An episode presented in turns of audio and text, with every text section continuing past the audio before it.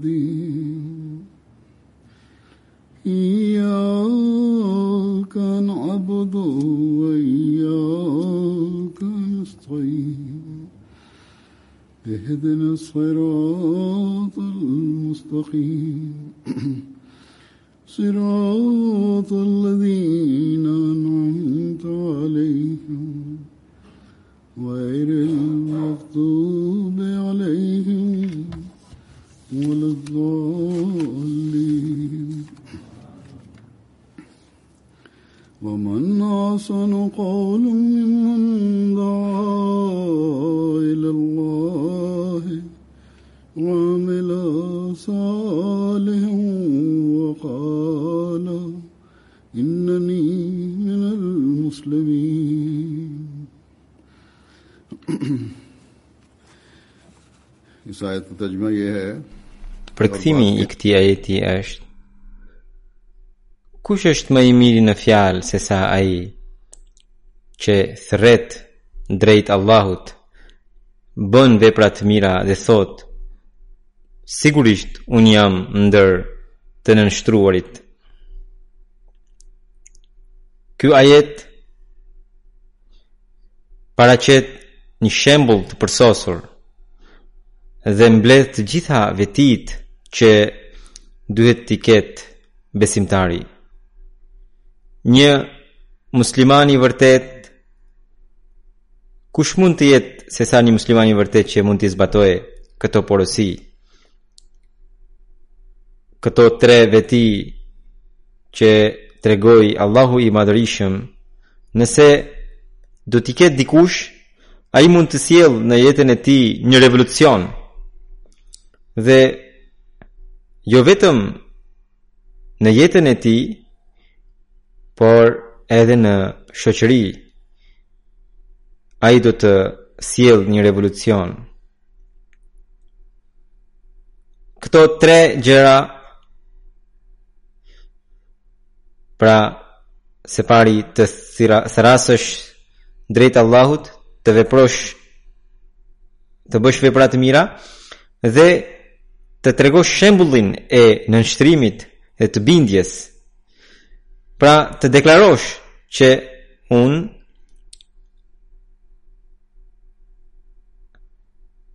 i pranoj të gjitha porositë e Allahut të Madhërishëm dhe përpiqem maksimalisht t'i zbatoj ato. Këto fjalë janë të tilla të cilat në radhë të parë e përfshin porosinë e parë ku Allahu i Madhërishëm i thotë që të thërrasë drejt Allahut. Dhe këtë gjë e bën besimtarin të fitojë dijen ndaj Allahut. Dhe t'u thotë të tjerëve që cilat janë obligimet që kemi ndaj Allahut. Dhe si ato mund t'i përmbushim. Gjithashtu tregojnë që cilat janë detyrimet që kemi ndaj njëri-tjetrit dhe se si mund t'i përmbushim ato. Ne mund të mund të kemi vëmendje të plotë për t'u thënë të tjerëve kur do të kemi një dhimbje në zemrën tonë që t'i shpëtojmë njerëzit nga kthetrat e djallit. Kur të kemi një përpëlitje në zemër që t'i bashkojmë njerëzit në grupin e robërve të të Gjithëmëshirshmit, ai që do ta ketë këtë veti ose që do të ketë një nxitje të zjarrtë për t'i sjellë njerëzit drejt Allahut, sidomos në një kohë kur intrigat e djallit dhe pra intrigat e djallit janë në kulm dhe po përhapen lloj-lloj dredhish për të larguar njerëzit nga Zoti, Në një kohë të tillë, një njeri që i friksohet Allahut dhe që e kërkon atë dhe që e bën këtë përpjekje pa dyshim vlen. Dhe vetia e dytë është që Zoti i Madhërishëm thotë në këtë ajet që ai të bëjë vepra të mira. Pra, jo vetëm që ai t'u thotë njerëzve që të përmbushin detyrimet ndaj Allahut dhe ndaj robërve, por gjithashtu edhe vetë të bëhet shembulli i, i këtyre porosive. Përndryshe, nëse nuk do të keni shembullin tuaj, dija juaj rreth fesë është e padobishme dhe gjithashtu thirrja juaj drejt Allahut është e zbrazët nga bekimet e Allahut të madhërishëm dhe nga rezultati që mund të vijë prej tij. Dhe kur do të jetë kjo gjendje, atëherë të gjitha përpjekjet për të bërë tablig janë kot. Dhe kështu nuk mund ta fitojmë dot as pëlqimin e Allahut. Vetia e tretë që përmendet në këtë ajet është që besimtari i vërtetë duhet të deklarojë që unë jam ndër të nënshtruarit. Domethënë, I besoj fuqimisht porositë e Allahut dhe të dërguarit të tij dhe jo vetëm që i besoj, por i bëj ato pjesë të jetës sime. I jap përparësi besimit mbi botën. Dhe kështu do të mbetem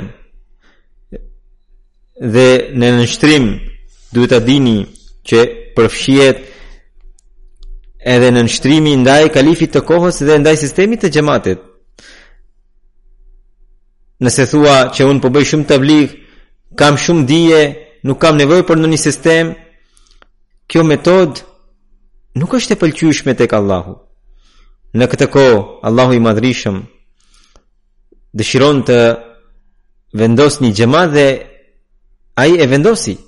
Andaj, është e nevojshme që t'i bashkoheni. Allahu i madhërishëm thotë që pa dyshim që tabligu është një gjë e mirë. Por duhet edhe deklarata që inneni minel muslimin, siç e thotë në këtë ajet, që deklaro o besimtar që unë sigurisht jam ndër të nënshtruarit. Po kështu, edhe veprat e mira, edhe standardet e takvas, arrihen vetëm atëherë kur të keni bindje dhe nënshtrim Kur të jeni, kur të keni shumë të lartë standardin e bindjes dhe të nënshtrimit. Disa herë në dukje disa njerëz që janë në dukje janë njerëz të mirë ose që punojnë edhe për xhematin, por shikojmë që fundi i tyre nuk është dhe aq i mirë. Andaj, Allahu i madhërishëm thotë se një besimtar edhe ai që thotë fjalën më të mirë dhe ai që pretendon të tregojë shembullin më të lartë do t'i ketë rezultate pozitive vetëm atëherë kur ai të deklarojë që unë i nënshtrohem Allahut dhe sistemit të krijuar prej Allahut dhe i nënshtrohem tërësisht dhe plotësisht. Dhe për ne Ahmedianët standardi i nënshtrimit maksimal vendoset atëherë tabligu ynë do të ketë sukses vetëm atëherë dhe veprat e mira që bëjmë ne do të jenë vepra të mira vetëm atëherë kur ne i bindemi tërësisht Mesihut të premtuar alaihi salatu wasallam dhe pas tij sistemit të kalifatit dhe gjithashtu sistemit të xhamatit që funksionon nën udhëheqjen e kalifit të kohës. Në përpjekjet tona individuale dhe kolektive do të kemi bekime vetëm atëherë kur çdo përgjegjës i xhamatit, çdo nëpunës i xhamatit, çdo misionar i xhamatit ta kuptojë sistemin e xhamatit dhe të përmbushë detyrimet që ka ndaj njëri-tjetrit. Nuk ka asnjë dyshim që Allahu i Madhërishëm sipas premtimit të tij dhe sipas profecisë së profetit Muhammed sallallahu alaihi wasallam kur e dërgoi Hazrat Mesihun e premtuar alaihi salatu wasallam dhe sipas këtyre dhe e dërgoi sipas atyre premtimeve që Allahu i madhërishëm do t'i përmbushë misionet e tij. Disa Allahu i madhërishëm i ka përmbushur gjatë jetës së Mesihut të premtuar alaihi selam dhe disa do t'i përmbushte pas vdekjes së tij. Edhe po përmbushen.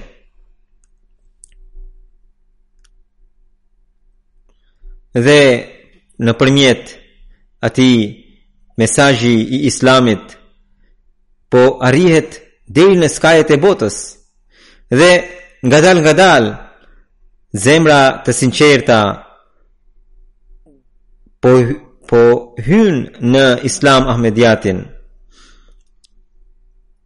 Allahu i Madhërishëm dërgon profetët e tij për një qëllim dhe atë qëllim ai e përmbush atë patjetër. Allahu i Madhërishëm thotë në Kur'anin famëlartë, "Kataballahu la aghlibanna ana wa rusuli." Që Allahu e ka vendosur që unë dhe të dërguarit e mi do të triumfojnë. Allahu i madhrishëm edhe Mesiut të Premtuar alejhis salatu wasalam i ka dërguar këtë shpallje shpesh herë. Pra, pikërisht këtë ajet Hazrat Mesiu i Premtuar alejhis salatu wasalam duke e shpjeguar këtë ajet në një libër të tij thotë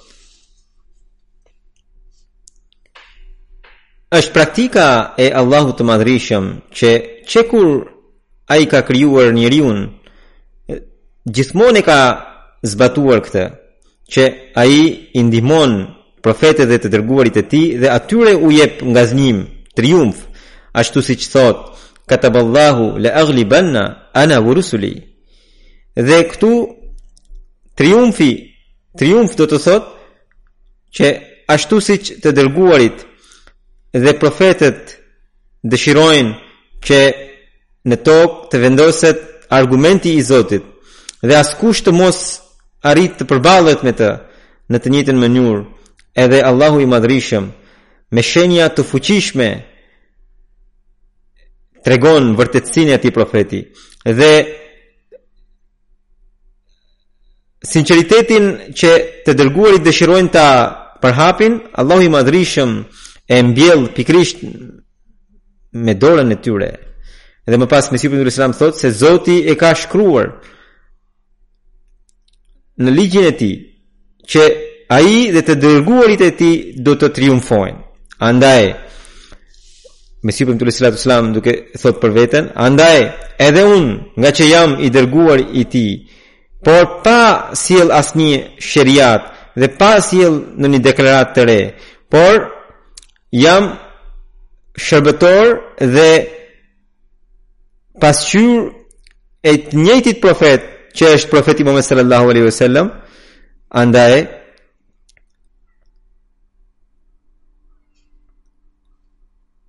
ashtu siç ky ajet u përmbush që nga fillimi, që nga Hazret Ademi deri tek Muhamedi sallallahu alaihi wasallam, edhe në kohën time do të përmbushet. Kështu që ajo bimë që Allahu i madhrishëm dëshiron të mbjellë përmes Mesiut të Premtuar alejhis salatu wasalam në të gjitha anët e botës është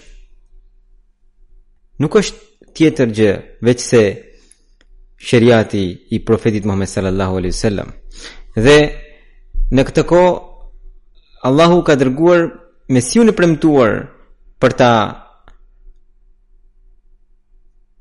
përhapur atë anekënd botës. Kështu që, ashtu siç Mesihu i Premtuar alejhi salatu ve selam tha, që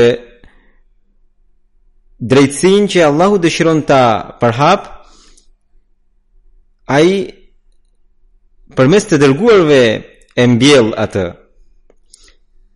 Dhe kështu që edhe mbjellja e përhapjes së islamit është bërë përmes Mesihut të Premtuar alejhi salatu ve selam nga ana e Zotit. Madje, kjo farë ka sjellë lulëzime në shumë vise të botës dhe pastaj përmes sistemit të kalifatit, bimët që i ka mbjellë Mesihu i Premtuar alejhi salatu ve selam, po përhapen në çdo vend të botës.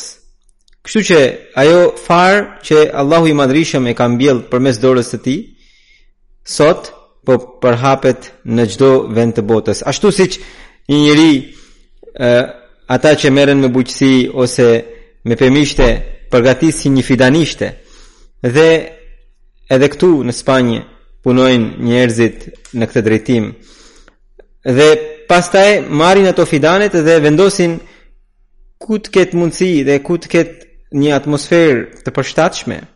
Andaj Mesihu i Premtuar alejhi salatu ve selam e ka vendosur fidanishten e dijes dhe të njohjes së Kuranit famëlartë. Dhe Allahu i Madhërishëm këtë fidanishte po e përhap në çdo cep të botës. Dhe bota ka filluar ta dojë mësimin e islamit. Andaj, nuk ka asnjë dyshim që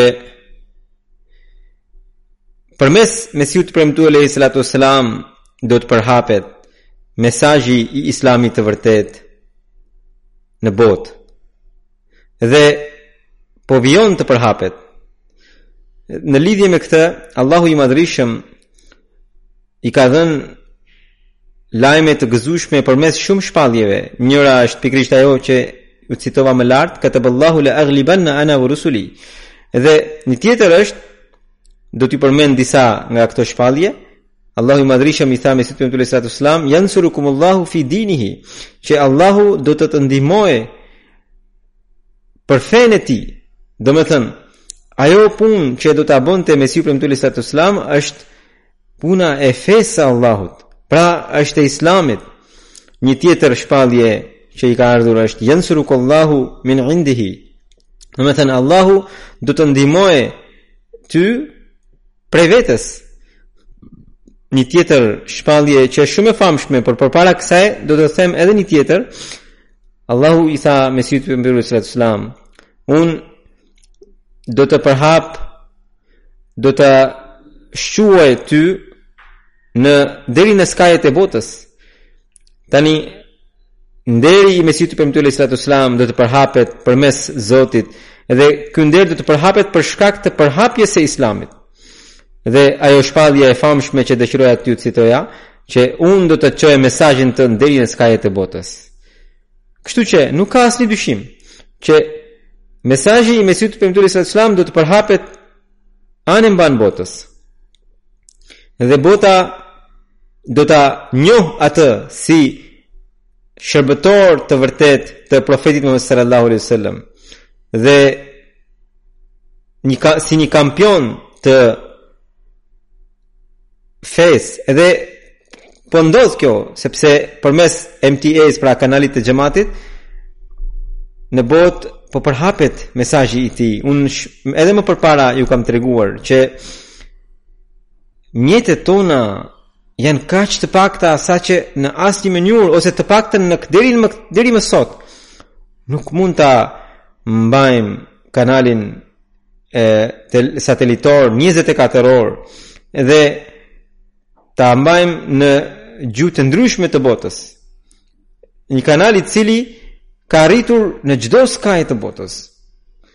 Dhe në çdo skaj të botës në përkthimet e tyre po shkojnë fjalimet e mia në gjashtë apo shtatë gjuhë fjalimi im përkthehet live të gjitha këto janë për shkak të premtimeve që Allahu i madhërishëm i bëri Mesihut të Premtuar alejhis salatu wasallam dhe përmes tyre pra përmes hytbeve të mia dhe përmes programeve të ndryshme të MTA-s Njerëz të sinqertë po hyjnë në xhamat. Shumë njerëz më shkruajnë se si ata e kanë përqafuar xhamatin për shkak të MTA-s, për shkak të fjalimeve të mia. Dhe ata u interesuan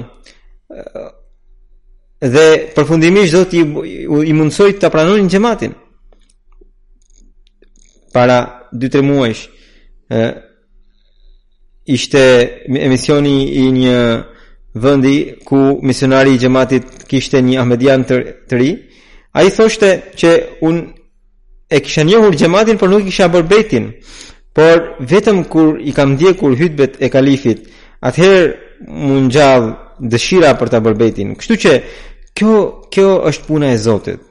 Dhe janë premtimet e tij, të cilat do të përmbushen patjetër, inshallah. Në këtë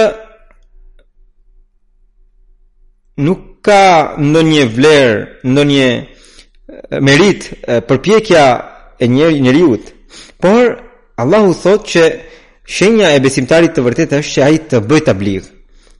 të përhapë mesazhin e tij andaj Allahu dëshiron që të na bashkojë në punën e tij për një punë të cilën ai e ka vendosur ta bëjë vetë. Kështu që Zoti dëshiron thjesht të na bashkojë ne në për të na dhënë shpërblim. Prandaj çdo Ahmedian duhet t'i japë vlerë kësaj pune që një punë që Allahu e ka marrë vetë përsipër,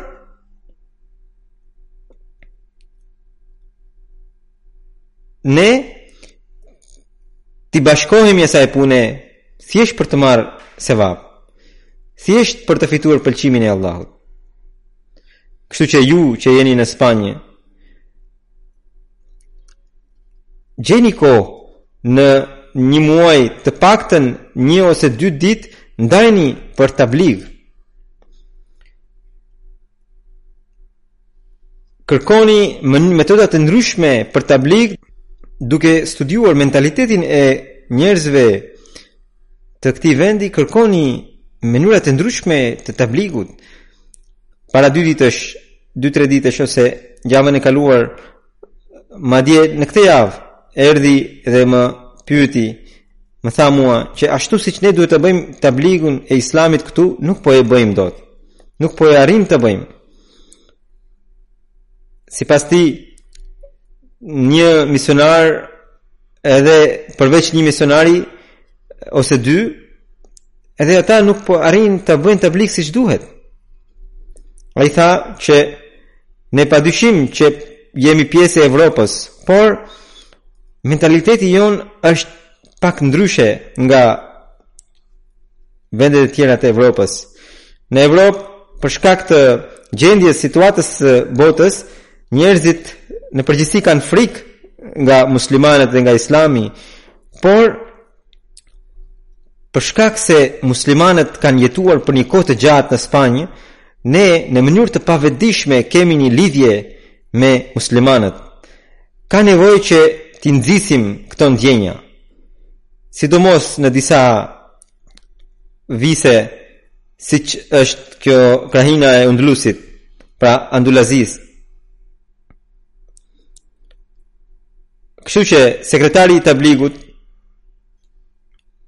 dhe gjithashtu sekretari sekretaret e tabligut të qyteteve të tjera dhe po ashtu edhe përgjegjësit e tjerë duhet ta studiojnë vendin dhe rrethanat dhe gjithashtu nga ana tjetër çdo ahmedian Khuddam, Ensar, Lexhna të japin kohën e tyre për të bërë tablig këtu muslimanët janë bërë krishterë në tehun e shpatës para 7 apo 8 shekujsh. Por ne duhet ta përhapim Islamin përsëri përmes mësimeve të bukura të Islamit, duke fituar zemrat. Islami tani më po po njihet gjerësisht këtu përmes kanaleve pra përmes televizioneve dhe gazetave ata emri i xhamatit po përhapet. Kryeredaktori i një gazete të Kordobës me ose ndoshta ishte pronari, erdhi më takoi dhe më tregoi një faqe të tërë të gazetës së vet dhe duke thënë që siko shikoni se si unë e, e përkrah xhamatin tuaj. Në Londër ishte zhvilluar simpoziumi i paqes dhe kishim edhe gazetarë nga Spanja, gazetarë të një televizioni, ata më intervistuan edhe kur erdhëm këtu në televizionin e tyre dhanë informacion rreth xhamatit, rreth mësimeve të paqes që tregon xhamati. Pra dhanë një emision të plotë.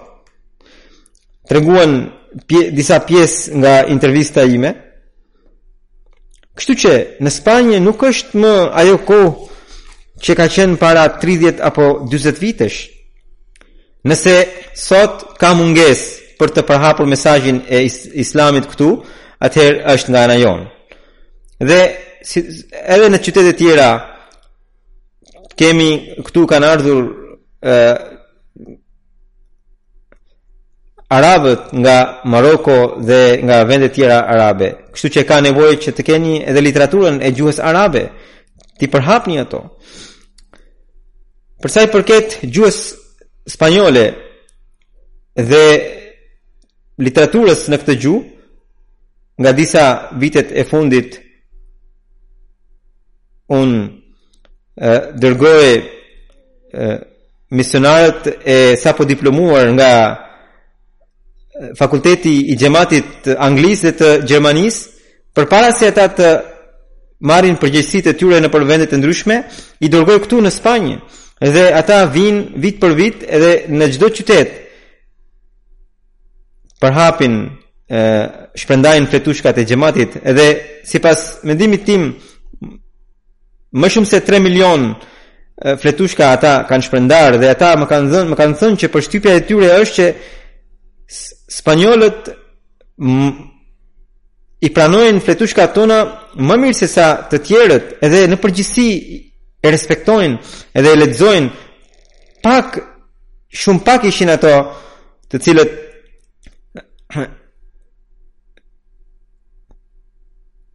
e hedhin pra shumica e lexojnë edhe ose e fusin në xhep për të lexuar më vonë po ashtu një zonjë nga Spanja që jeton në Londër, e cila është edhe bashkëshortja e sekretarit të tabligut për noumubain, ajo e ka familjen këtu, kur vjen, shkon në universitete dhe kolegjet e ndryshme, vetë gjen raste për të bërë tablig. për t'i për t'u treguar njerëzve mesazhin e Islam Ahmediatit. Kështu që ata që jetojnë këtu, misionarët që janë këtu, përse nuk mund të uh, krijojnë dot raste të tilla? Andaj Ahmedianët që jetojnë këtu, përgjegjësit, misionarët kanë nevojë të bëjnë një program të fortë dhe e, të mirëorganizuar. Ahmedianin e ri të, spa, të Spanjës që përmenda pak më sipër, edhe atij ia thashun që më shkruaj, më dërgo mënyrat që ti me, ju mendoni se janë më të mira për të bërë tabligh. Sapo të më vijnë fjalët e tij, do t'ju dërgoj juve edhe shikojni nëse janë të praktikueshme apo jo. Por ajo që është thelbësore është që duhet të keni bashkëpunim, duhet të e, zhvisheni nga e, vetvetja dhe nga interesat vetjake. Ka nevojë që Të kuptoni se ne duke qenë ahmedianë duhet ta përmbushim përgjegjësinë tonë dhe të kemi një nxitje, një pasion, një dashuri në zemrën tonë për ta bërë këtë punë. Vetëm të vijnë misionarë të rinj pa, pa një herë në vit edhe të shpërndajnë fletushkat e xhamatit, nuk e arrijmë qëllimin.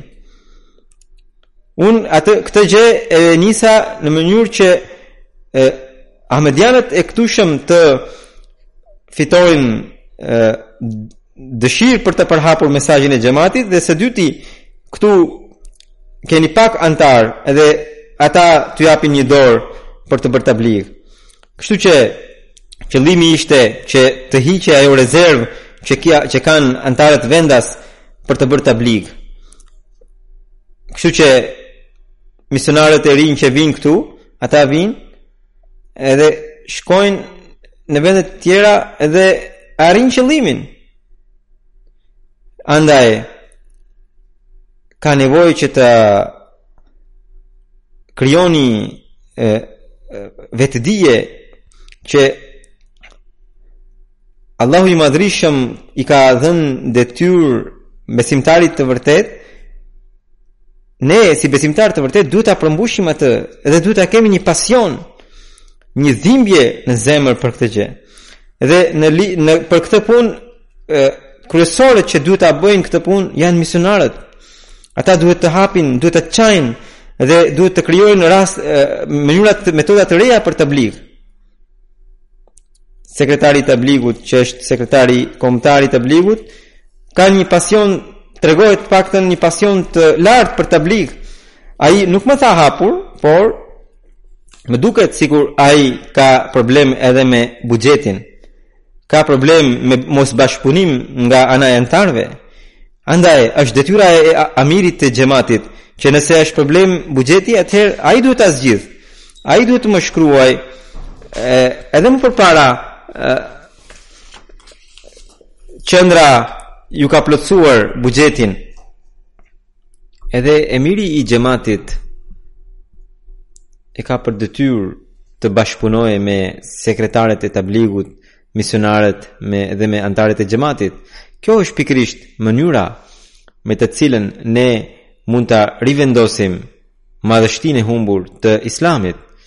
Dhe kjo pikërisht ishte qëllimi i ardhjes së Hazret Mesihut të Premtuar alejhi salatu ve selam, duke përshkruar gjendjen e botës dhe situatën aktuale të Islamit, Hazret Mesihu i Premtuar alejhi salatu ve selam tregon dhimbjen e zemrës së tij dhe duke treguar se tashmë Allahu dëshiron që të vendoset edhe një herë madhështia e Islamit dhe të shfaqet kjo madhështi përpara botës dhe Allahu i madhërishëm ka vendosur të shkatërrojë planet e armiqve të Islamit dhe Për këtë Allahu e ka dërguar Mesihun e Premtuar alejhi salatu ve selam dhe ka krijuar këtë xhamat. Pra duke treguar gjithë këtë, Hazret Mesihu i Premtuar alejhi salatu ve selam në një vend thotë Sa e bekuar është kjo epokë për të shfaqur madhështinë e profetit Muhammed sallallahu alaihi wasallam edhe në ditët kaq të trazuara Vetëm me bekimin e tij, Zoti i Lartësuar, duke ngritur një xhamat nga e padukshmja ndërmori të ndihmojë Islamin.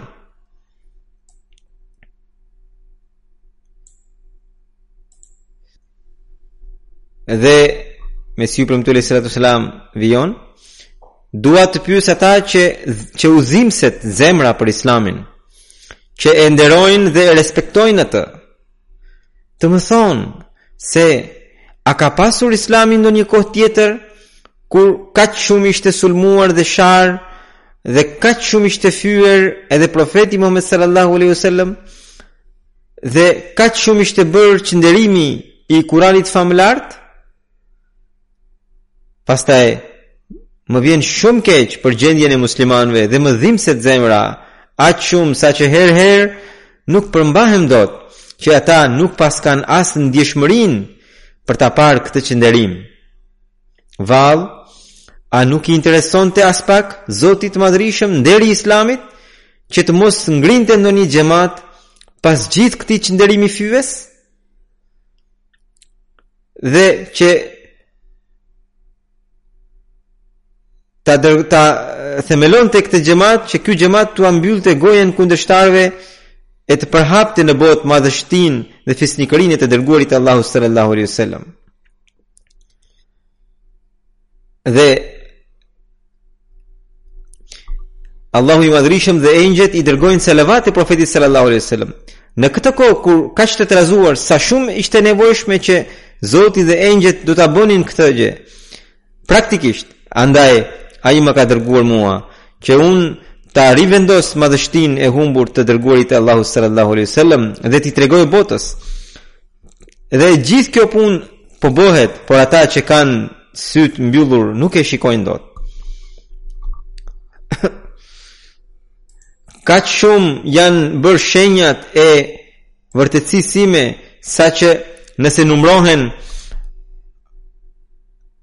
sot në faqen e dheut nuk ka asnjë mbret që ka një ushtri kaq të madhe si, sikur janë shenjat që janë shfaqur ngaqë islami u fye shumë edhe prandaj edhe Zoti i Madhërishëm ka vendosur vërtetësinë e këtij xhamati dhe ne jemi dëshmitarë që Zoti vijon ta tregojë vërtetësinë e e këtij xhamati edhe këtu media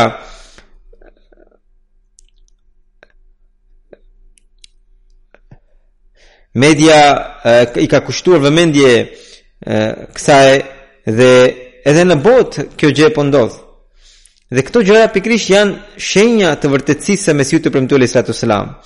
Dhe dobësitë Siç u thashë më përpara, Allahu i madhërishëm po e bën vetë punën e tij dhe është detyra jonë që ne të japim dorë t'i bashkohemi kësaj pune dhe ta bëjmë këtë në mënyrën më të duhur në një vend tjetër duke treguar se nëse dëshirojmë të shtojmë jetën, duhet të angazhohemi në teblig, Hazret Mesihu i Premtuar Alaihi Salatu Selam thotë, Jo të gjithë njerëzit janë në dijeni për qëllimin për të cilin ata kanë ardhur.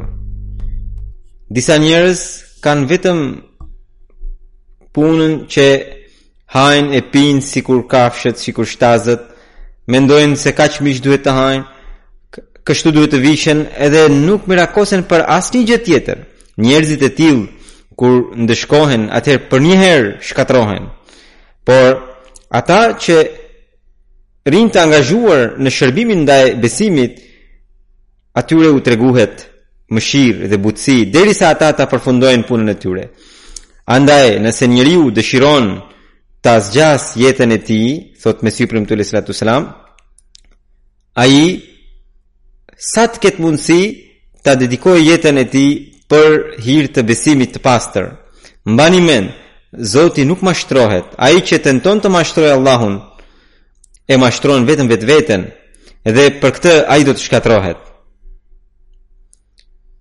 Thotë, andaj, nuk ka recetë më të mirë për ta zgjatur jetën se sa njeriu me sinqeritetin dhe besnikërinë e pastër të angazhohet për ta ngritur emrin e Islamit dhe në shërbim të besimit.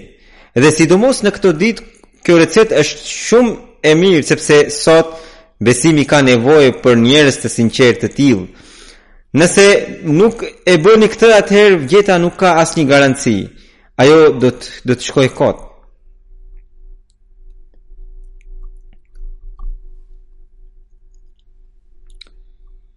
Edhe i dërguari i Allahut sallallahu alaihi wasallam na tërhoqi vëmendjen ndaj tabligut dhe është një këshillë e tij që ai i bëri Hazrat Aliut radhiyallahu anhu dhe ajo është një këshillë e artë.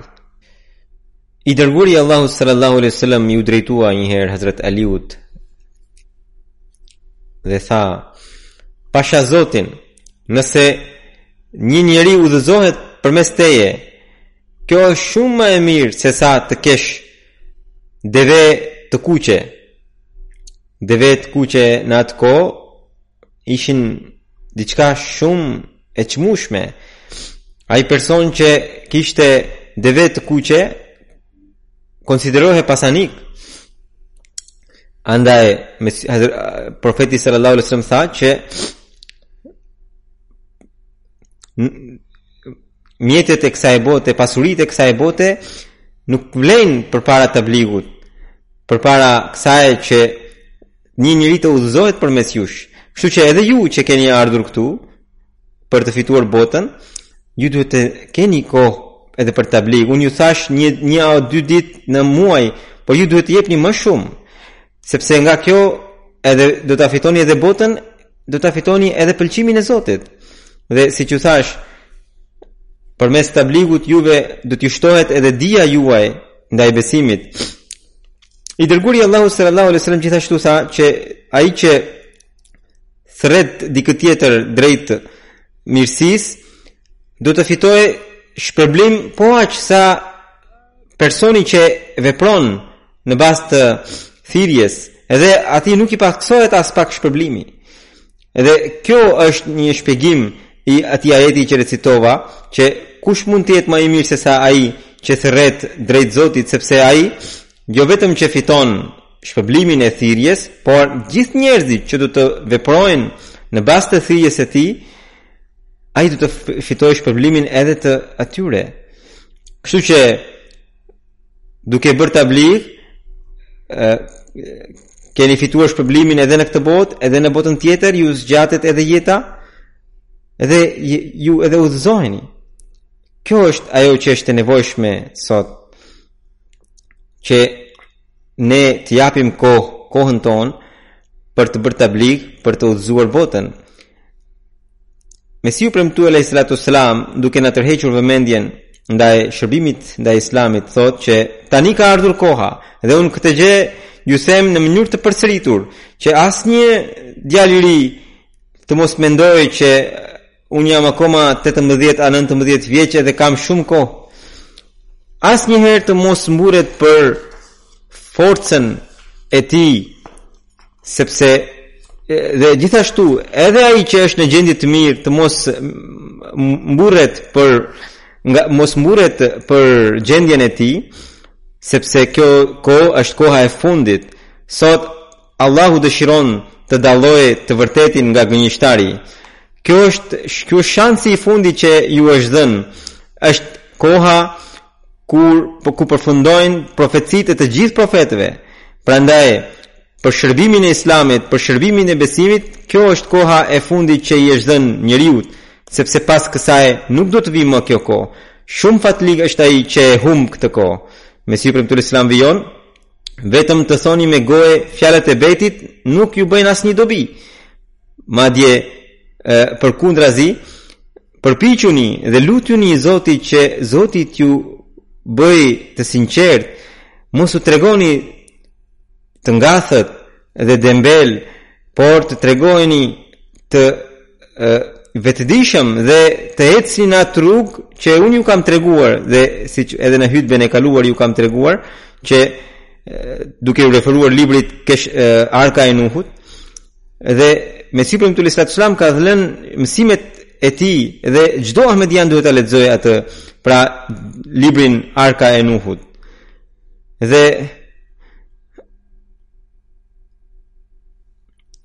ne gjithë njerëzit që do të kenë mundësi për të bërë tabligh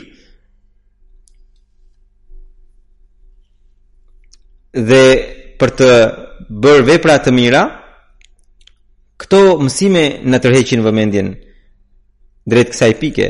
Dhe pikërisht ky është ai mësim i cili do të na bëjë besimtarë të sinqertë. duke shpjeguar se çfarë janë veprat e mira, Hazret Mesihu i Premtuar alejhi salatu ue selam thotë, që në përgjithësi vërehet që njerëzit thonë la ilaha illallah. E dëshmojnë edhe profetin Muhammed sallallahu alaihi wasallam, në dukje falin edhe namazet, edhe agjërojnë. Por e vërteta është që mungon tërësisht spiritualiteti dhe nga ana tjetër veprat e këqija që po përhapen në botë dëshmojnë që edhe veprat e mira që po bëhen nuk po vlejnë siç duhet pra gjendja e muslimanëve tregon që edhe veprat që po bëjnë ata, të, që janë të mira, nuk janë të mira, por thotë Mesihu i Premtuar alejhi selam po bëhen për shkak të një zakoni. Dhe ato janë të zbrasta nga sinqeriteti dhe drita e shpirtërore. Përndryshe, pse Ato nuk shoqërojnë me vete bekimet dhe dritën e veprave të mira, andaj mbani mend, derisa këto vepra nuk bëhen me sinqeritetin e zemrës dhe me spiritualitetin e plotë, ato nuk hyjnë në punë.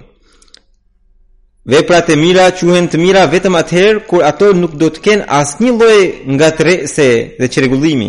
Salih është kundërta e çrregullimit, andaj njerëzit që kanë çrregullim në namazet e tyre, në qëllimet e tyre, namazet e tyre nuk janë për Zotin dhe ato nuk ngjiten asnjë pëllëmbë nga toka drejt qiellit, sepse ato janë të zbrasta nga spiritualiteti. Pra, e thotë Mesihu i Premtuar alejhi salatu ue selam, në një vend tjetër, duke shpjeguar të njëjtën temë, ai thotë, Mbani mend, Allahu i madhërishëm shikon shpirtin dhe spiritualitetin. Ai nuk shikon veprat e jashtme, por shikon brendësinë e tyre, se në brendësin e tyre mos vallë ka interes apo ka besnikërinë dhe bindjen e vërtetë ndaj Allahut. Njeriu shpesh mashtrohet duke parë veprat e jashtme.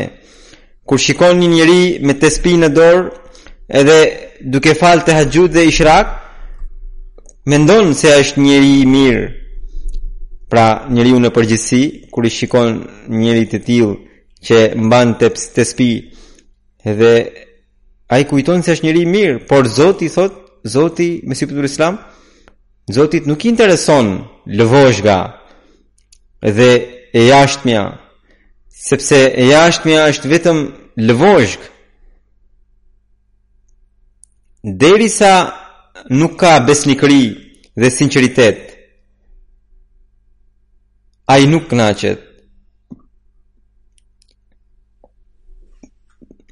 Shkëlqimi i jashtëm, gjendja e jashtme e një gjeje.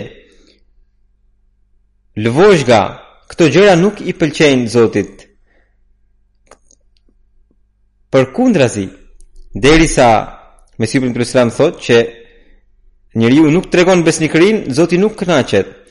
I pabesi është si qen që ha ngordhësirën dhe njerëzit e kësaj bote që falin namazet duke u dukur, çfarë dobie do të kenë? Andaj veprat e tilla që janë për dukje nuk hyjnë në punë aspak. Duhet të jenë veprat të cilat në çdo çast njeriu duhet të ketë frikë dhe pëlqimin e Zotit. Dhe nëse nuk ka kështu atëherë edhe njerëzit që bëjnë tabligh, ata nuk do të kenë as asnjë rezultat. Andaj, ashtu siç na thotë Mesihu i Premtuar alejhi salatu ve selam, ne duhet t'i pastrojmë veprat tona. Dhe në lidhje me këtë, ai vijon, andaj, thotë, çdokush që dëshiron ta ruajë besimin e tij, duhet ta ruajë veprën e mirë. Veprat e mira ndikojnë tek besimi. nëse dëshironi ta keni besimin fort, atëherë edhe veprat duhet të keni të pastra. Njerëzit që bëjnë ligësi, kur shikoni në detaje, do të kuptoni se ata nuk besojnë as në Zot. Prandaj në hadith thuhet që Kur vjedh si vjedh, ai nuk është më besimtar. Dhe kur një njeri që quhet besimtar dhe bën kurvëri, ai në atë moment nuk është besimtar. Dhe kjo do të thotë që pikërisht vepra e keqe e atij njeriu ndikon tek besimi i tij. Andaj anëtarët e xhamatit duhet të kuptojnë thelbin e veprave të mira. Nëse edhe ai anëtarët e xhamatit kanë të njëjtën gjendje siç kanë të tjerët, atëherë ku, ku është dallimi? Përse Allahu i madhërishëm do të ketë një sjellje të veçantë me ta. Ai do të ketë atëherë sjellje të veçantë kur njerëzit do të kenë takva dhe pastërti. Mbani mend, thotë. Allahu i madhërishëm nuk ka asnjë lidhje gjaku me dikë. Andaj aty nuk qëndron fjalë goje dhe vepra për dukje. Derisa mungon besnikëria, Mesihu i Premtuar alejhi selam thotë, se bindja dhe nënshtrimi i vërtetë kërkon një vdekje, ai që nuk e bën këtë, tenton të luajë lojë shahu me Zotin e madhërishëm, dhe ai mbetet i kënaqur me Zotin kur i plotësohet nevoja, e kur nuk i plotësohet, ai mbetet i pakënaqur. Besimtari nuk duhet të jetë kështu, Mendoni vetë, nëse Zoti do t'i japë dikujt e, sukses në çdo fushë, atëherë po të jetë kështu e gjithë bota do të bëhej besimtar. Andaj Zoti do të kënaqet nga ai i cili tregon vërtetësinë dhe besnikërinë edhe në rast pakënaqësie. Kështu që Mesihu i Premtuar alejhi selam thotë që veprat e mira do të jenë atëherë, do të quhen atëherë kur edhe bindja dhe nënshtrimi do të jetë e, e përsosur. Kur njeriu do t'i rrëzojë gjitha muret e dëshirave të tij dhe do të pranojë vetëm e vetëm një qëllim që ne t'i japim përparësi Allahut, pëlqimit të Tij mbi çdo gjë tjetër, t'i zbatojmë porositë e Tij. Dhe kjo është pikërisht nënshtrimi i vërtetë. Jo që kur të ke, kur të na plotësohet nevoja të tregojmë të deklarojmë se jemi të nënshtruar, edhe kur shikojmë që puna nuk po ecën sipas mendimit tonë, të fillojmë të bëjmë ankesa, mbani mend. Ankesa të panevojshme ndaj sistemit ju largon nga sistemi i xhamatit, ju largon pastaj nga kalifati, ju largon pastaj nga Zoti i Madhërishëm. Dhe kështu njeriu bëhet largohet nga Zoti. Dhe ne kemi parë që fundi i njerëzve të tillë bëhet i keq. Mesihu i Premtuar alejhi salatu wasallam thotë që armët tona janë istighfari, pendesa, lutja dhe e, njohja ndaj Zotit dhe namazet e pesë vakteve. Namazi është çelësi i lutjes, kur të falni namaz, lutuni në të dhe mos u tregoni të ngathët. Dhe ruhuni nga çdo ligësi E cila qoftë të jetë lidhur me të drejtat e Zotit apo të drejtat e robërve të Tij. Allahu i Madhërishëm na mundësoft ta përhapim mesazhin e Mesihut të Premtuar alejhi salatu wasallam dhe na bëftë që të bëhemi pjesë e triumfit të Tij, na bëftë që të punojmë me pendesë, me istighfar, me lutje dhe të bëjmë të kryejmë detyrën e tabligut siç duhet, të përmbushim detyrimet që kemi ndaj Allahut dhe ndaj robërve të Tij. Këto janë detyrime pra këto detyrime, këto detyrime pikërisht na na kushtojnë vëmendje edhe tek veprat e mira. Në çdo punë le ta kemi parasysh pëlqimin e Zotit, Zotit. Dhe nëse do ta kemi këtë atëherë inshallah taala